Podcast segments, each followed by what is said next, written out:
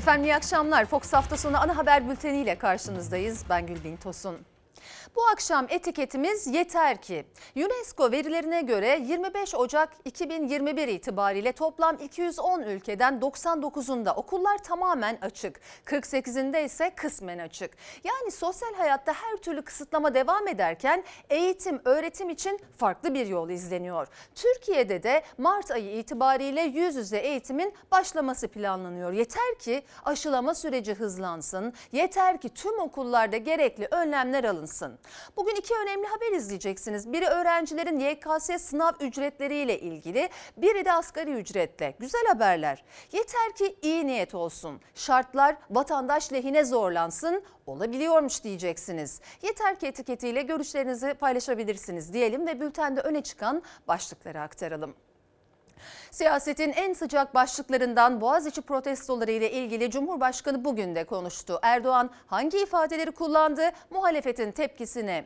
Terörist başı Abdullah Öcalan'ın kardeşi Osman Öcalan'ın TRT'ye çıkarılmasını AK Parti içinden ilk kez bir siyasetçi savundu. Genel Başkan Yardımcısı Mahir Ünal neler söyledi?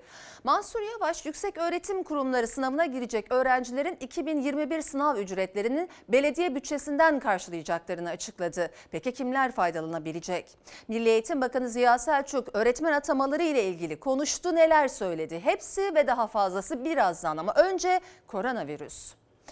Koronavirüs yüzünden her gün yüzün üstünde kişiyi kaybederken aşı hızı giderek yavaşlıyor. Sağlık Bakanı Fahrettin Koca Aralık ayı sonunda yaptığı bilim kurulu toplantısında günde 2 milyon kişinin aşılanabileceğini duyurmuştu ama hedefler tutmadı.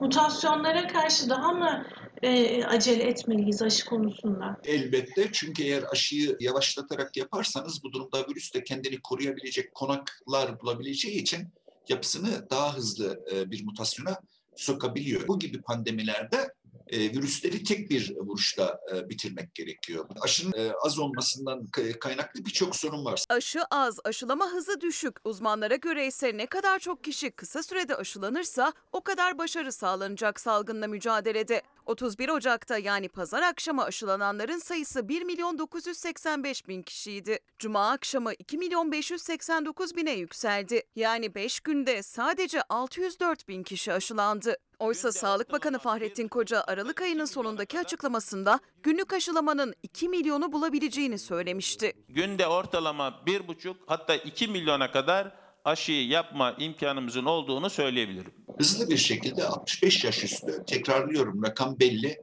7.9 milyon. 1,5 milyon civarında da sağlık çalışanı var. 9.4 milyon, iki katı 18.8 milyon aşıyı hızla e, kullanıma sevk edip aşılamaları tamamlamaları e, beklenir. Aksi takdirde diğer gruplara geçmeleri yavaşlayacak. Bir haftadır 75 yaş üstünün aşılanması devam ediyor. Evdeki aşılarsa Türk Tabipleri Birliği Genel Sekreteri Profesör Doktor Vedat Bulut'a göre ilk aşamayı tamamlamaya bile yetmeyecek. Çünkü önce 70 sonra 65 yaş üstüne geçilmesi gerekiyor ilk aşamada. Öğretmenler de öne çekilecek. Eldeki doz miktarı ise şu ana kadar 13 milyonla sınırlı. Profesör Bulut'a göre aşılama hızının düşme sebebi de bu. Türkiye'nin yeterince aşısının olmaması. Diğer sebebi ise aile hekimliklerinin günlük aşı kapasitesinin az olması. Pek çok aile sağlığı merkezinde hemşire eksikliği var. Birçok aile merkezinde ise hekim yok. Bunun hızla kapatılması gerekiyor. Çünkü bir hemşirenin veya doktorun günlük aşılama yapabileceği insan sayısı belli. Her gün yüzden fazla koronavirüs hastası yaşamını yitirmeye devam ediyor. Üstelik mutasyon nedeniyle 3. dalga tehlikesinin de arttığını söylüyor uzmanlar. Profesör Bulut'a göre eldeki aşının 10 katına ihtiyaç var. Türkiye'de e, hızla e, bir 120 milyon kadar aşıyı temin etmek gerekiyor ki normalleşmeye geçebilelim. Öğretmenlere aşı yapılması konusunda Milli Eğitim Bakanı Ziya Selçuk henüz planlama içerisinde olduklarını söyledi. Eğitim İş Sendikası'na göre ise öğretmenleri aşılamadan okulları açmak çok tehlikeli. Üstelik öğretmenler bugün bile aşılanmaya başlasa ancak Mart sonuna sonunda korunabilecekler. Açılacak olan sınıfların öğretmenlerini öncelikle Şubat ayı sonuna kadar hani aşılama planlaması yapalım diye konuştuk. Bugün Şubat'ın 5'i 6'sı gelmiş iken aşı geldi mi? Geldiyse öğretmenler ne zaman aşılanacak? henüz bu uygulamanın hayata geçmediğini görüyoruz. 15 Şubat'ta köy okulları açılıyor. 1 Mart'ta ise ilkokul ve sınav senesindeki öğrenciler için yüz yüze eğitim başlıyor. Milli Eğitim Bakanı Ziya Selçuk bir kez daha öğretmenlerin Şubat ayı içerisinde aşılanacağını söyledi. Ancak aşılama bugün bile başlasa Mart ayının son haftasında koruma sağlanabilecek. 28 gün sonra ikinci aşılama yapılıyor. Ancak 14 gün sonra tam anlamıyla koruma sağladığı en azından aşının yüzdelik oranı ile ilgili koruma sağladığı ifade ediliyor. Mümkün değil yetişmesi. Hiç aşının yapılmadan okulların eğitim çalışanlarına, öğrencilere ve tabii ki öğrencilerden dolaylı olarak da velilere böyle bir riskin beraberinde getirilmesini çok doğru bulmuyoruz açık söylemek gerekirse. Eğitim İş Sendikası Başkanı Orhan Yıldırım'a göre en azından öğretmenlerin aşılanması şart okullar açılmadan önce. Eğitimciler bu konuda bir yol haritası bekliyor. Şimdilik sadece listeler gitti Sağlık Bakanlığı'na. Bir de okulların hangi tedbirlerle açılacağı belirlendi. Yüz yüze eğitimde okullarda alınacak tedbirlerin başında sosyal mesafe kuralları geliyor. Buna göre sınıflarda en fazla 15 öğrenci olacak. Toplu kullanım alanlarında ise kişiler arasındaki sosyal mesafe en az 1 metre olacak şekilde düzenlenecek. Yaklaşık olarak 3000 civarında ekip bütün okulların bu standardını risk analizleriyle beraber incelemeye tabi tuttu. Ve okullarımızın tamamına yakınında da bu TSE standartlarını hayata geçirecek zamanımız oldu bu kapalılıktan dolayı. Ki okullarda şu an öğrenci yok.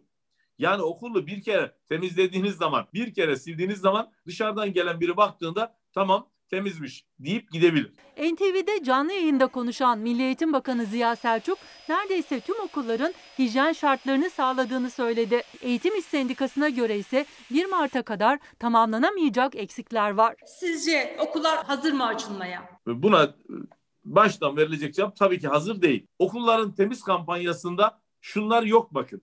Sensörlü musluklarımız yok okullarda. Elektrikler sensörlü değil. Havalandırma sistemleri değişmedi, dönüştürülmedi. Dezenfektan, maske gönderilmedi Milli Eğitim Bakanlığı tarafından. Ama en önemlisi okullarda tüm bu hijyen şartlarını sağlayacak olan hizmetli alımı yapılmadı. Girmeden önce gördüm değerli hocalarımızdan Profesör Doktor Bengi Başer'in çok önemli bir uyarısı var okulların açılması ile ilgili. Şöyle de bir bilgi veriyor.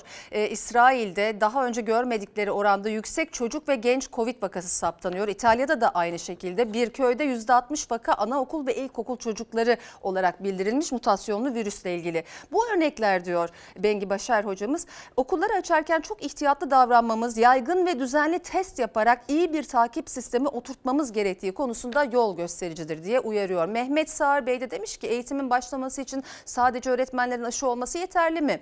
Okullarda çalışan memurlar, kantinciler, öğrenci servis şoförleri ne olacak? Yeter ki etiketiyle bizlerle paylaşmış. Efendim dünyada mut- mutasyonlu virüs hızla yayılıyor. Dünya Sağlık Örgütü ise küresel aşılama çalışmaları ile ilgili çarpıcı bilgiler verdi. 130 ülkede henüz aşılama başlamadı.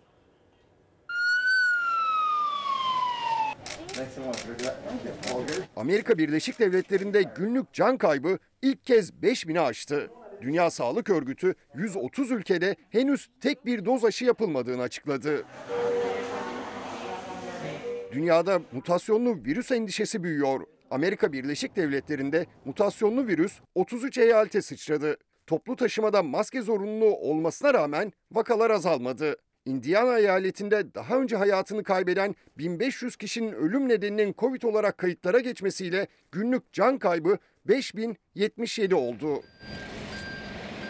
Avrupa'da da İngiltere kaynaklı mutasyon yayılıyor. Slovakya Başbakanı Matovic, ülkedeki vakaların %71'inde mutasyon tespit ettiklerini açıkladı. 60 binden fazla can kaybının yaşandığı Almanya'da 16 eyaletin 13'ünde mutasyon saptandı. Dünyada aşılananların sayısı ilk kez 106 milyon olan vaka sayısını aştı. Dünya Sağlık Örgütü aşı adaletsizliğine dikkat çekti. Genel direktör nüfusu 2,5 milyarı bulan 130 ülkede henüz tek bir doz aşı dahi yapılmadığını söyledi. Şu ana kadar uygulanan aşıların dörtte üçünün sadece 10 ülkede gerçekleştiğini açıkladı.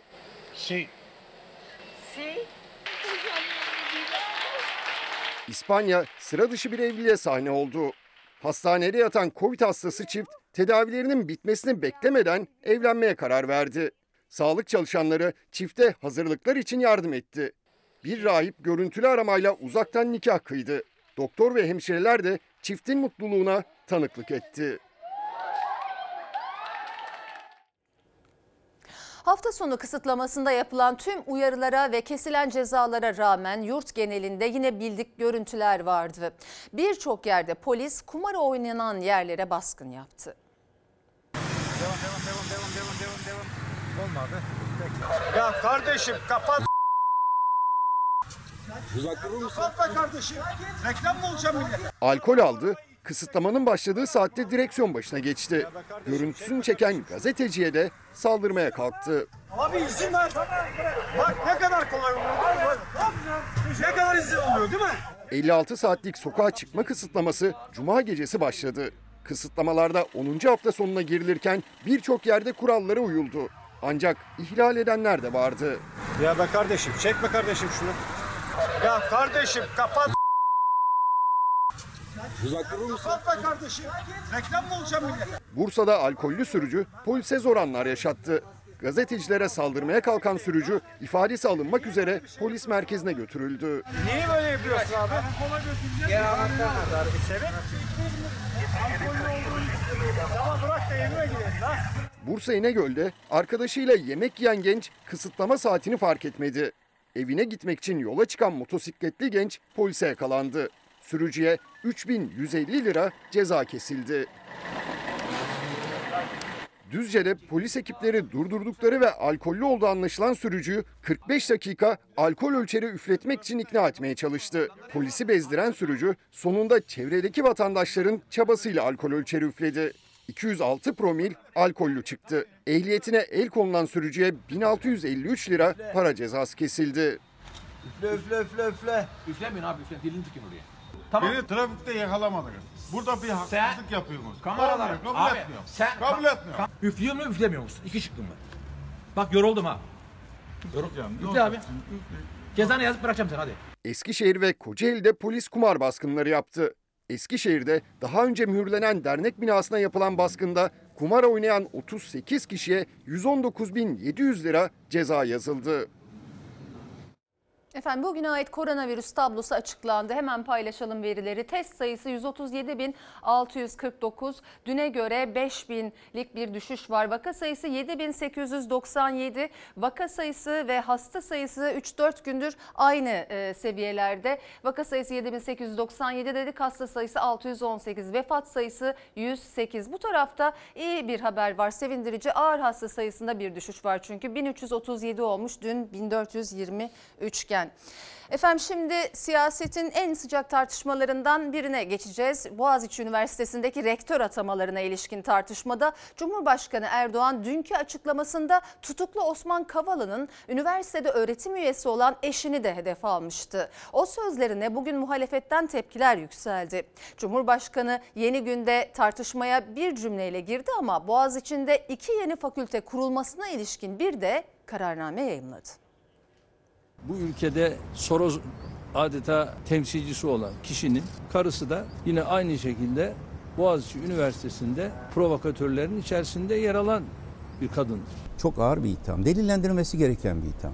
Ha eğer Soros'un kurumlarının Türkiye'deki karşılıklarına bakılacak olursa Sayın Cumhurbaşkanı önce Beştepe'ye bakmalı. İfade, Kavala'nın karısı ifadesi. O münferit bir birey. Ayşe Buğra bu ülkenin çok saygın akademisyenlerinden bir tanesi. Kimliksizleştirme var burada. Kadını bir birey olarak görmeme, eşine bağlı görme. Ciddi zihniyet sorunu var. Adalet ve Kalkınma Partisi'ndeki kadın siyasetçiler bundan hiçbir rahatsız olmuyorlar. Cumhurbaşkanı Erdoğan Boğaziçi olayları ayrı, terörize edenler ayrı diyerek CHP'yi, HDP'yi ve İyi Parti ile birlikte bazı akademisyenleri de hedefe koydu. Osman Kavala'nın eşi Boğaziçi Üniversitesi'nde öğretim görevlisi olan Profesör Doktor Ayşe Buğra'yı da muhalefet tepkili. Ayşe Buğra, Osman Kavala'nın eşi olmakla değil, Türkiye'nin dünya çapında ödüllü akademisyenlerinden bir tanesi olmakla tanınır. Kişileri eşleriyle birlikte yargılamak işte tam da hukukun bittiği yer odur. Kavala'nın suçlu olduğu veya şey olduğu anlamında söylemiyorum bunu. Soros'la masa başında toplantılar yapan kim? Sayın Recep Tayyip Erdoğan. Şimdi kalkıp Profesör Ayşe Buğra ile ilgili Adeta Soros'un temsilcisi demiş. Niye? Suçlamak zorunda kendisi. Siz Soros'la toplantı yaptınız beyler. Eğer suçlanacaksa önce kendinizi suçlayın. Kimler var bu işin içinde? Ana muhalefet partisinin İstanbul İl Başkanı kadın var. İyi Parti ismi iyi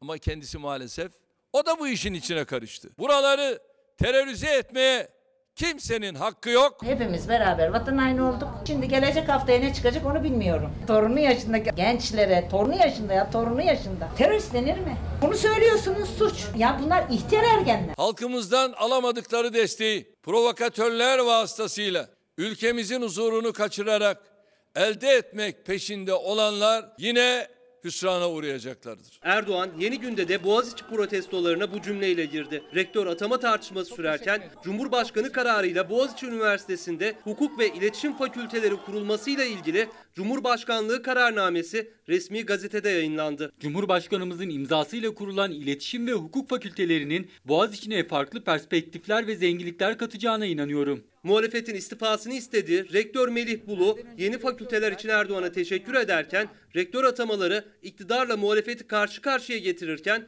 Cumhurbaşkanı kararıyla 11 üniversiteye de yeni rektör atandı. Muhalefet o atamalara da ses yükseltti. Memur atar gibi rektör atanmaz. Üniversite rektörü ve üniversite öğretim üyeleri itaat ederlerse görevlerini yapmış olmazlar. Çatladı kapı muhtarı gibi yönetmeye başladı. Bu şekilde giderseniz sizin hiçbir sözünüzün toplumda karşılığı olmayacak.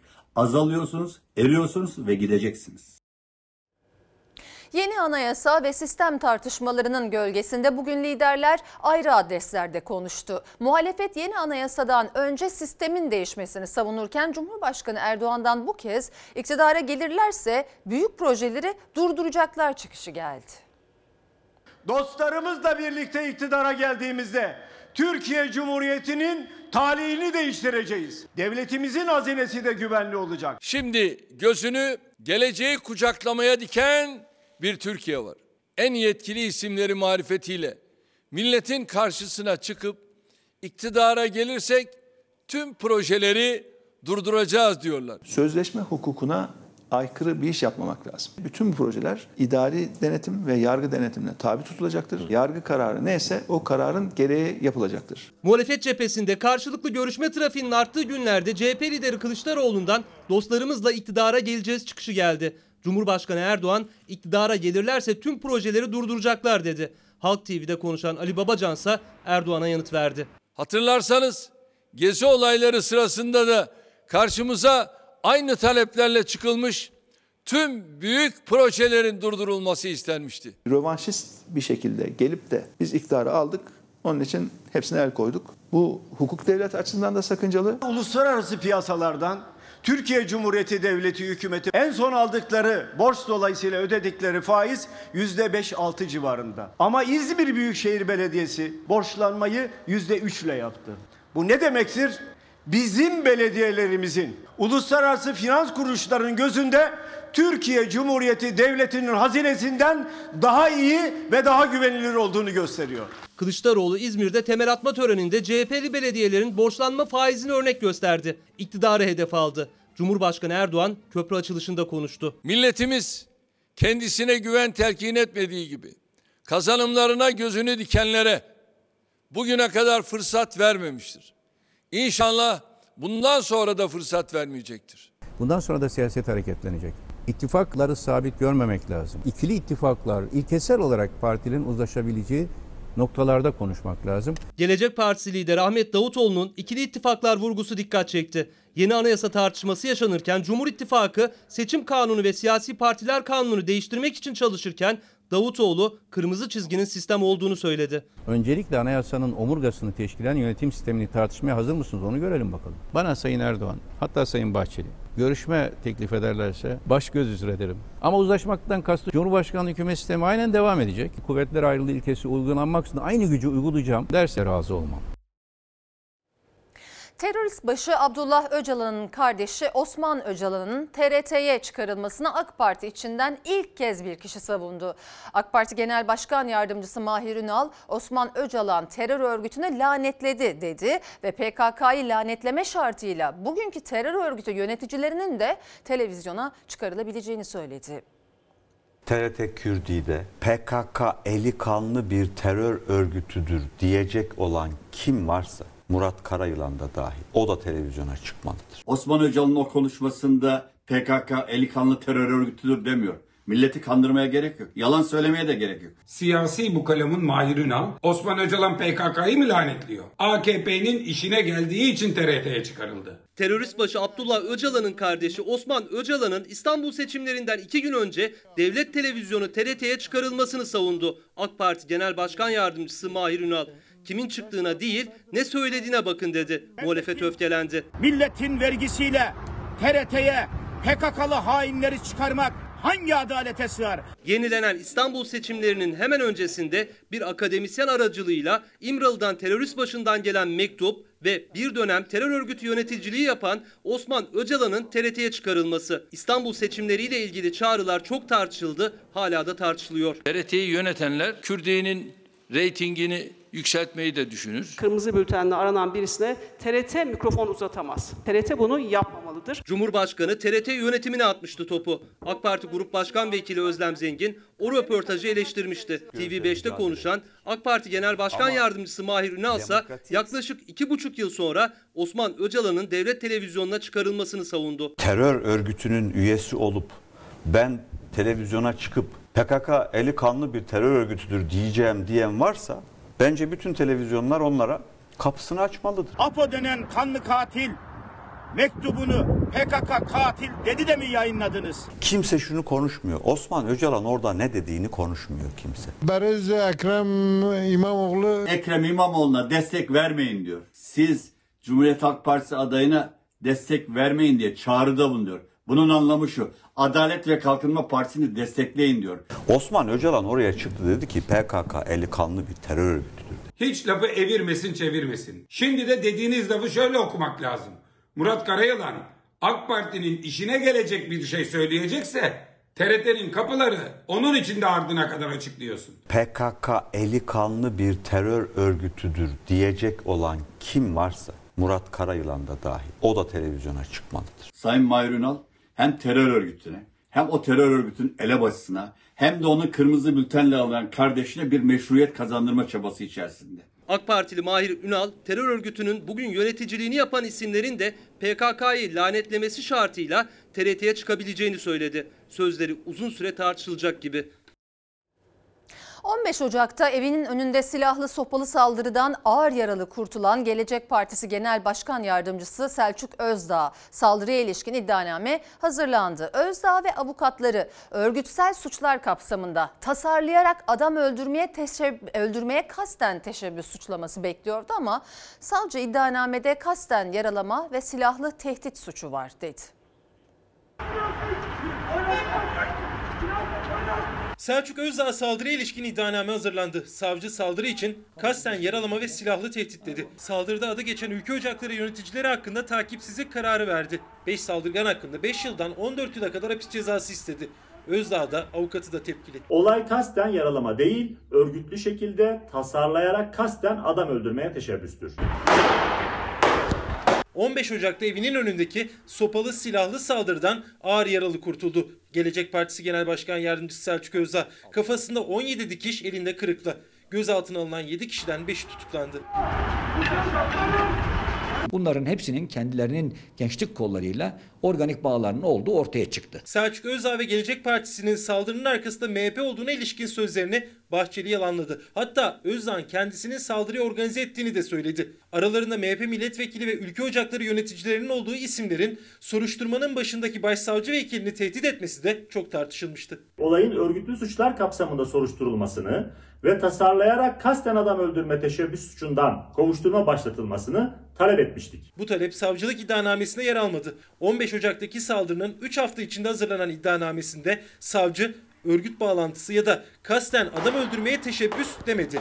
Saldırganların kasten yaralama ve silahlı tehdit suçu işlediklerini, Özdağ'la saldırganların tartışma yaşadığını söyledi. Olayda kullanılan silahın niteliğinin belirlenemediği, Selçuk Özdağ'ın elinde oluşan kırığın sebebinin saptanamadığı gibi suçu hafifletme ihtimali olan ve sanıkların ifadeleri dışında hiçbir delil olmamasına rağmen Selçuk Özdağ ile saldırganlar arasında bir tartışma yaşandığı yönünde kanaat bildirildiği görülmektedir. Selçuk Özdağ'ın avukatı Hasan Seymen iddianamedeki ifadelerle saldırı küçültülmeye çalışılıyor dedi. İddianamenin örgütsel suçlar kapsamında tasarlayarak kasten adam öldürmeye teşebbüs suçlamasıyla hazırlanması gerektiğini belirtti. Saldırganların olay gününden önceki iki gün Selçuk Özdağ'ın evinin etrafında keşif yaptıkları, kullandıkları aracın kiralık olduğu ve plakasının sökülmüş olduğu, kendisine arkadan saldırdıkları kamera kayıtları ve tanık ifadeleriyle sabittir. İddianamede saldırganların ülke ocakları bağlantısına da değinmedi savcılık. Ankara Ülke Ocakları İl Teşkilat Başkanı'yla saldırıda kullanılan aracı kiraladığı iddianamede açıkça yazan Ankara Ülke Ocakları Başkan Vekili hakkındaysa takipsizlik kararı verdi. Özdağ'ın avukatları pazartesi günü iddianamenin örgütsel suçlar kapsamına alınması için savcılığa dilekçe verecek. Muhalefet liderleri yurdun dört bir yanında esnaf ziyaretlerine devam ediyor. İyi Parti lideri Meral Akşener Ankara'dan, CHP lideri Kemal Kılıçdaroğlu İzmir'den hükümete seslendi. Gelecek Partisi lideri Ahmet Davutoğlu ise katıldığı bir programda tarımda artan girdi maliyetlerini eleştirdi. Eşimin kahvesi kapandı. İşten çıktım. Kiradayım. İki tane çocuğum var. Bay Kemal, Bay Kemal diye uğraşacağına milletin sorunlarıyla uğraşsınlar, iş versinler bize. Biz iş istiyoruz. eşinin Hazır istemiyoruz. ücret, kiralar bir lira. Aynen. Dört Çocuklarımız var. Kiminle muhatap olsanız ailesinde mutlaka bir işsiz var. 10 milyonu aşkın işsizimiz var. 10 milyonu aşkın. Ama sarayda oturanlar işsizlik sorununu bilmiyorlar. Sarayda 5 maaş alanlar var. Tuzu kuru onların. Veresiye durumunuz nasıl? O dehşet diyorlar. Dehşet ve geri dönüşler yok artık. Mama almak için geliyor. Birinci kart çekmiyor. ikinci kart yok. Nakit para zaten yok. Geçerken bırakırsın diyoruz ama onun dönmeyeceği belli zaten. İşçisi, işsizi, emeklisi, esnafı, çiftçisi etrafını sarıyor muhalefet liderlerinin adım attıkları her adreste. Çünkü hepsinin mağduriyeti aynı. Geçim sıkıntısı, hayat pahalılığı, ödenmeyen faturalar, kiralar. Belki bir tane kalem satıyorum akşam. Ama sattığım kalem bile. Haftada kaç kere et alıyorsunuz? Vallahi ben epeydir et almıyorum. Balık da alamıyorum. Bir tek ev kiramı ödüyorum, diğer alamıyorum. Sigorta, vergi hiçbir şey ödeyemiyorum başkanım.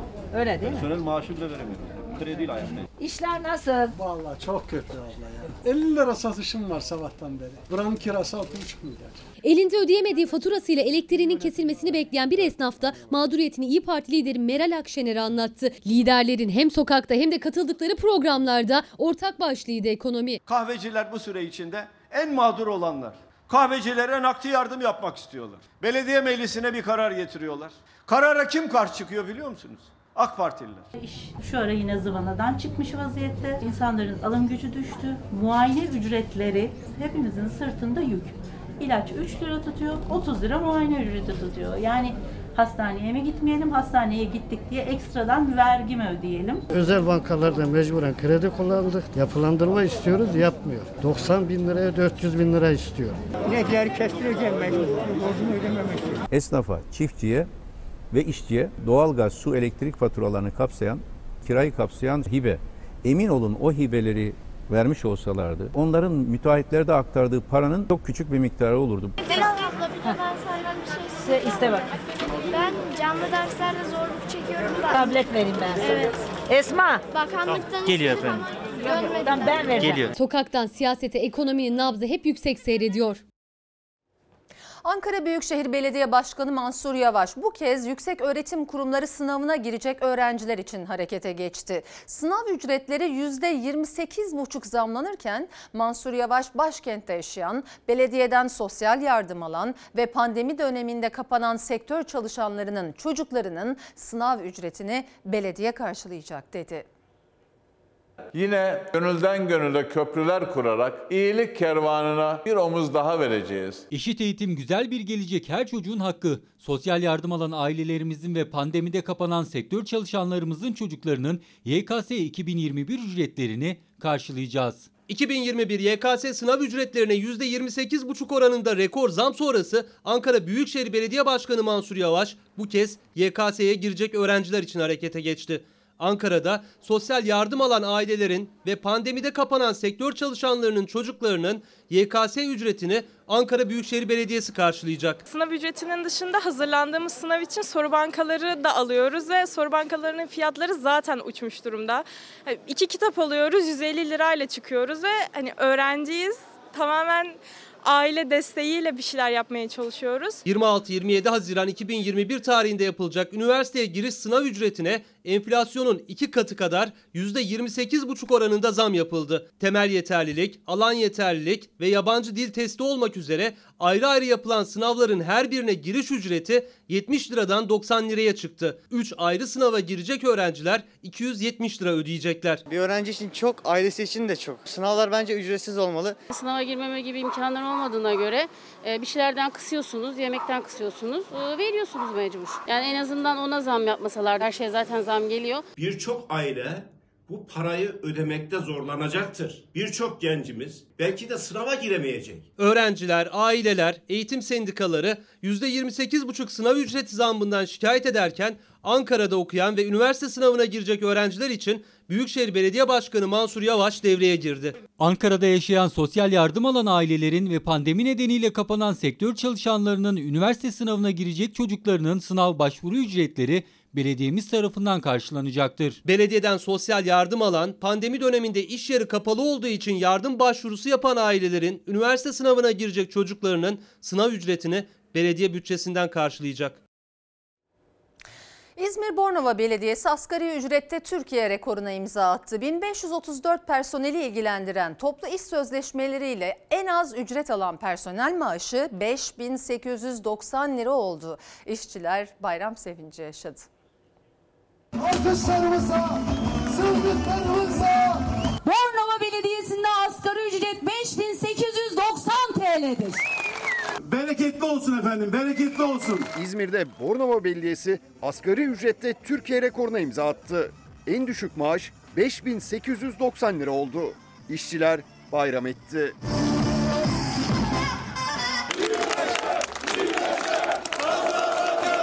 CHP Genel Başkanı Kemal Kılıçdaroğlu'nun asgari ücret 3100 lira olsun önerisiyle birçok CHP'li belediye asgari ücreti 3000 liranın üzerine çıkardı. En son İzmir Buca Belediyesi'nde en düşük maaş ücreti 5000 lira olmuştu. Ancak Bornova Belediyesi bunun da üzerine çıktı. Temizlik işlerinde 15 yılda çalışıyorum. Bu dönem başkanımız sağ olsun kırmadı yani bu işçiye hakkını verdi. Bornova Belediyesi ile diske bağlı Genel İş Sendikası arasında imzalanan toplu iş sözleşmesiyle 1534 işçinin hakları iyileştirildi. En düşük maaş 5890 lira olarak belirlendi. Gerçekten çok güzel bir e, toplu sözleşme oldu. Bunun için Başkanımız Sayın Doktor Mustafa Yüdü'ye çok teşekkür ediyoruz. Toplu iş sözleşmesinden ötürü çok mutluyum. E, maaşlarımız çok iyi seviyelere geldi. Bornova Belediye Başkanı Mustafa İdu 2020 yılında yaşanan zorlukları hatırlattı. İşçinin her zaman yanlarında olacaklarını söyledi. 2020 yılında pandemiyle başladık, depremle devam ettik, selle devam ediyor. Bir meteor çarpmadı. İnşallah bundan sonra bunlarla karşılaşmayız. Ancak bunu aşmanın tek bir yolu var. Büyükşehir Belediyesi'nde de, ilçe belediyelerinde de işte bu emekçi dostların 24 saat çalışmasıyla biz bunları aşabildik ve aşmaya devam edeceğiz. İzmir Büyükşehir Belediye Başkanı Tunç Soyer de Bornova Belediyesi'nin Türkiye'ye örnek olması gerektiğini söyledi. Sadece Bornova işçisi değilsiniz. İnanın Türkiye size bakıyor. Türkiye'de sizin aldığınız hakları birçok yerde alamıyorlar. O yüzden sizin o kadar başarılı olmanız lazım ki, o kadar ter dökmeniz lazım ki onlar bunu daha iyi anlasınlar, görsünler, ilham alsınlar sizden, örnek alsınlar. İşçiler sözleşmeyi halay çekerek kutladı. Asgari ücret rekoru şimdilik Bornova Belediyesi'nde. Bize çok güzel bir imkanlar sağladı. İnşallah işçilerimiz için de çok güzel olacak. Hem Mansur Yavaş haberimiz hem de şu anda biraz önce izlediğiniz haber yeter ki dediğimiz e, haberlerdendi. Ne demiştik bültenin başında yeter ki iyi niyet olsun, yeter ki şartlar vatandaşın lehine zorlansın, kullanılsın. Helal sana Mansur Yavaş demiş bir izleyicimiz. Helal sana olabiliyormuş demek ki yeter ki etiketiyle. Sayın seyirciler salgın nedeniyle faaliyetleri kısıtlanan esnafa ödenecek ciro kaybı desteğinin detayları belli oldu. Ciro kaybının %3'ü kadar ödeme yapılacak. Esnafa göre ise katlanan vergi ve kira borçlarının karşısında bu destek de yetersiz. Ciro kaybınız son bir yılda ne kadar? Yüzde 65, yüzde 70'e yakın. Lokanta, restoran ve kafe gibi sektörlerde alınan tedbirler nedeniyle faaliyetleri kısıtlanan, cirosu 2020 yılında bir önceki yıla kıyasla yüzde 50 ve daha fazla azalan işletmelerimize ciro kaybının yüzde 3'ü oranında destek ödemesi yapacağız. Cumhurbaşkanı Erdoğan duyurmuştu. Resmi gazetede de detayları yayımlandı. 2019 ve 2020 cirolarına bakılacak esnafın %50'den fazla kayıp varsa kaybın %3'ü kadar destek verilecek. En az 2 bin lira, en fazla ise 40 bin lira olacak ciro kaybı desteği. Evde altın falan kalmadı. Hepsini bozduruyor, satıyoruz. Onlarla bilmiyorum ayakta durmaya çalışıyoruz. Bulunduğumuz bu tantunicinin son bir yıldaki ciro kaybı ortalama 100 bin lira. Yani ciro kaybı desteğine başvurduğunda alacağı o destek 3 bin lira. Sahibi bu paranın, bu desteğin hiçbir şekilde yetmeyeceğini söylüyor. Başvururuz, başvururuz da bir şey değil. Öyle yapacaklarına sigortaları bu 6 aylık sigortaları dondurup devlet veyahut da almaması lazım. Vergi borcunuz var mı şu an? Borcu Yatırmadık ki. Pandemiden bu yana yatıramıyoruz. 100 bin lira da 3 bin lira neye, neye faydası var? Destek mi bu? Paket servisle ayakta kalmaya çalışan lokanta sahiplerinden biri de Murat Sakin. 4 aylık kira borcuyla 250 bin liralık vergi borcu var. Sakin, ciro kaybı desteğinden ziyade özellikle vergi konusunda yetkililerden destek bekliyor. 115 bini yapılandırmaya giriyor. Yani vergimizi ödeyelim mi? Ödeyelim de e, faizi olmasa esnafa daha iyi olur diye düşünüyoruz. Yani. %15 bunun faizi var. Yapılandırılan borcun. Vergi kadar kira borcu da birikiyor her ay esnafın. Kira borcumuz da var. Buranın kirası 11 bin lira. 6 aydır ödeyemiyoruz. 3 bin lira 5 bin lira hiçbir şey yapmaz. Esnafı ayağa kaldırmaları lazım. Esnaf battı. Devlet hakiki bir destek yapsın. İstanbul'da metrobüsler tıklım tıklım dolu. Lokantalar, kahveler kapalı. E bu insanlar ne yiyecek, nasıl geçinecek? Haftanın beş günü virüs bulaşmıyor, cumartesi pazar bulaşıyor. Akıllı virüs. Kültür ve Turizm Bakanı Mehmet Nuri Ersoy yaz sezonunun açılışı için Nisan ayını işaret etti. Oteller de tedbirlerle misafirlerini ağırlamaya hazır. 2021 yılı için hedef 31 milyon turist. Yaz sezonu başlatma hedefimiz Nisan. Turizm için hedefi Nisan ayı olarak açıkladı Kültür ve Turizm Bakanı Mehmet Nuri Ersoy. Salgın sebebiyle yaz sezonu kademeli ve güvenli olarak açılacak. Soft bir açılış olacak. Ee, özellikle Güney Akdeniz'den başlayacak. Sonra Güney Ege ve Kuzey Ege'ye doğru yayılarak turizm bölgelerine bu yayılacak. Kültür ve Turizm Bakanı Mehmet Nuri Ersoy Habertürk canlı yayınındaydı. Vaka sayılarını yakından takip ettiklerini söyledi. 100 bin nüfusta haftalık 20 yeni vaka sayısı denen bir kriter var. Türkiye nüfusuna uyarladığınız zaman bu günlük 2400 yeni vaka demektir. Siz günlük 2400 vaka sayısının altına inmeyi başardığınız zaman artık belli şeyleri kontrol altına almaya başladınız demektir. Daha güvenli ve kontrollü bir pandemi süreci yönetiyorsunuz demektir. 2500 vakanın altına düştüğümüz andan itibaren biz özellikle deniz, kum, güneş tercihini yapacak olan turist profili için dünyada sayılı destinasyonlardan bir tanesi olacağız. Bu kesin. Turizm sektörünün de gözü Bakan Ersoy'un açıkladığı vaka sayısı sınırında. Türkiye Otelciler Federasyonu Yönetim Kurulu üyesi Kaan Kavaloğlu da otellerin hazır olduğunu söyledi. Daha kapıda ateşinizi ölçüyoruz. Daha otelin ana girişinde. Ondan sonra geldiğinizde bu bizim check-in işlemi dediğimiz giriş işlemlerini yaptığımız kapıdan içeri girdiğiniz anda sizi termal kameralarla karşılıyoruz. Eğlence aktivitelerinden e, sahildeki e, mesafeye kadar her şey sosyal izolasyona ve sosyal mesafeye uygun olarak yapılıyor. Gerekli tüm tedbirleri aldık diyebiliriz. Dört dörtlük hazırız diyebiliriz. Hedef 2021 yılı için 31 milyon turist. Şimdiden yurt dışından gelen erken rezervasyonlarda Bakan Ersoy'a göre hedeflerin tutacağının göstergesi. Biz 31 milyonluk turist hedefine bu sene ya, mutlaka bir şekilde sağlayacağız. Aşılamanın etkisi de biz özellikle şunu görüyoruz. Ee, Eylül, Ağustos, Eylül, Ekim tarihlerine çok yoğun rezervasyon geliyor yurt dışında. Türkiye'de olacak gibi gözüküyor baktığınız zaman.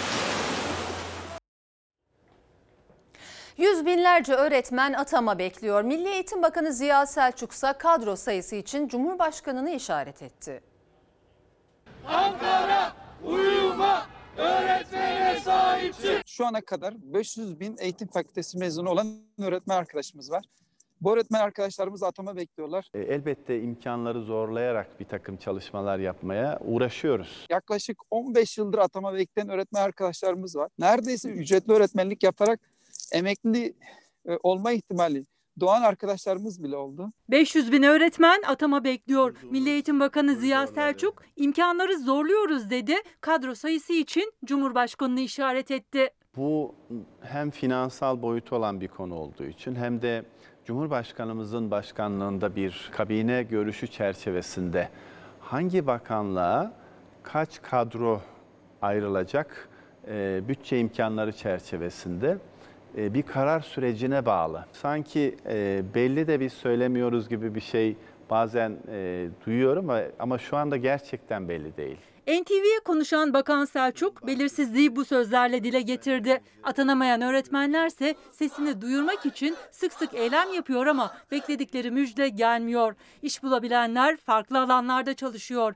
Birçoğuysa işsiz. Erkek öğretmenler daha çok ağır işlerde, kadın öğretmenler kasiyer oluyor, örgü örüyor, evde geçimini sağlamaya çalışıyor. Çocuklarım maalesef öğretmen olduğumu da biliyor, bir depoda ol- e, çalıştığımı da biliyor. Hayat bazen acımasız bu konuda. Ondan daha vahim olan ücretli öğretmenler var. 80 bin ile 100 bin arasında 2 bin lira e, civarında alıyorlar. Bir de atanamayanlar arasında sayılmayan ama aslında atama bekleyen ücretli öğretmenler var. Asgari ücretin de altında kazanıyor. Üstelik yarı yıl tatilinde de maaşları yarı yarıya düşüyor. Yani 1500 lira ücret alan bir ücretli öğretmen bu ay 750 lira ücret alacak. Sözleşmeli ve ücretli öğretmenler güvenceli iş, atanamayanlar da atanmak istiyor. Yani kadro talebi yüz binlerle ifade ediliyor. Eğitim sene göre öğretmen açığıysa 200 bin civarında. Eğitime ve sağlığa yeterli bütçe ayrılmadığı için Milli Eğitim Bakanı da yeterli kadro açamıyor.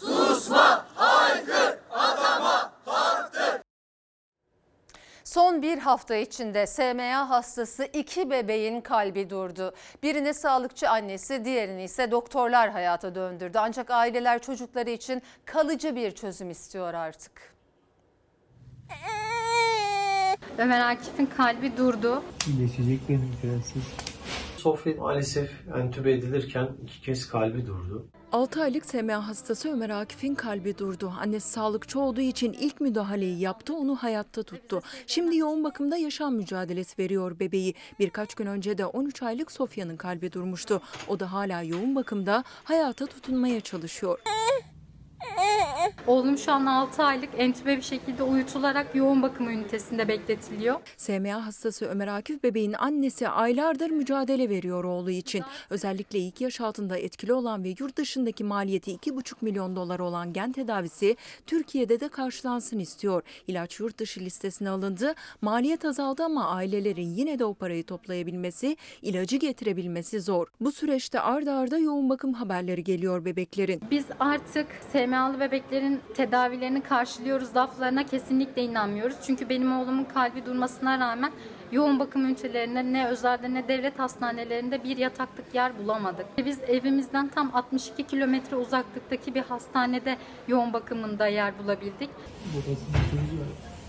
Maalesef bebeklerimizin kaybedecek bir saniye bile zamanı yokken gen tedavisi Türkiye'de yurt dışı ilaç listesine eklenmişken fakat maalesef iki aydır herhangi bir gelişme yok ve bizim zamanımız yok. 13 aylık Sofya bebeğin kalbi de doktorların müdahalesiyle yeniden çalıştırıldı. Aileler vaktimiz yok diyor. Sağlık Bakanlığı'ndan gen tedavisine ilişkin bir adım bekliyorlar. Bu bebeklerin vakti yok. Artık sesimizi duyun. Bu bebeğin kalbi durdu. İkinci bir şekilde kalbinin durmasına dayanamayacak. Çok iyi biliyorum. Artık bu ilacı buraya getirin. Balık fiyatları çok yüksek. Bir seferlik balık sofrası için 1 kilo kıymadan fazla para ödenmesi gerekiyor. En son ne zaman almıştınız balık? En son 4 ay önce almıştım. İstavrit alıyorum ben. Ne kadar kilosu? Abla 30 lira işte kilosu. Normal değil ama ne yapacak yapacak bir şey yok. Arada sırada almaya çalışıyoruz. Balık fiyatları yüksek mi yüksek?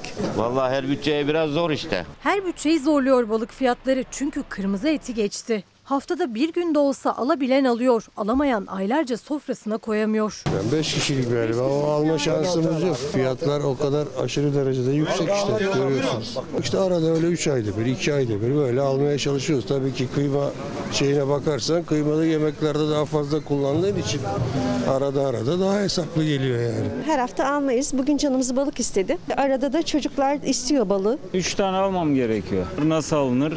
Düşünerek alınır. Görüyorum insanlar bir tane palamut aldı gitti. 4 kişilik bir aile akşam yemeğinde balık yemek isterse ve bu ailenin 2 adet balık alabildiğini varsayarsak ödemesi gereken tutar 70 lira. Yani 1 kilo kıymadan daha pahalı. Kırmızı etin fiyatını geçiyor. Ya et, etle kıyasladığın zaman geçer tabii ki. Yani et bir kilo etle 6-7 kişiyi kaldırabilirsin.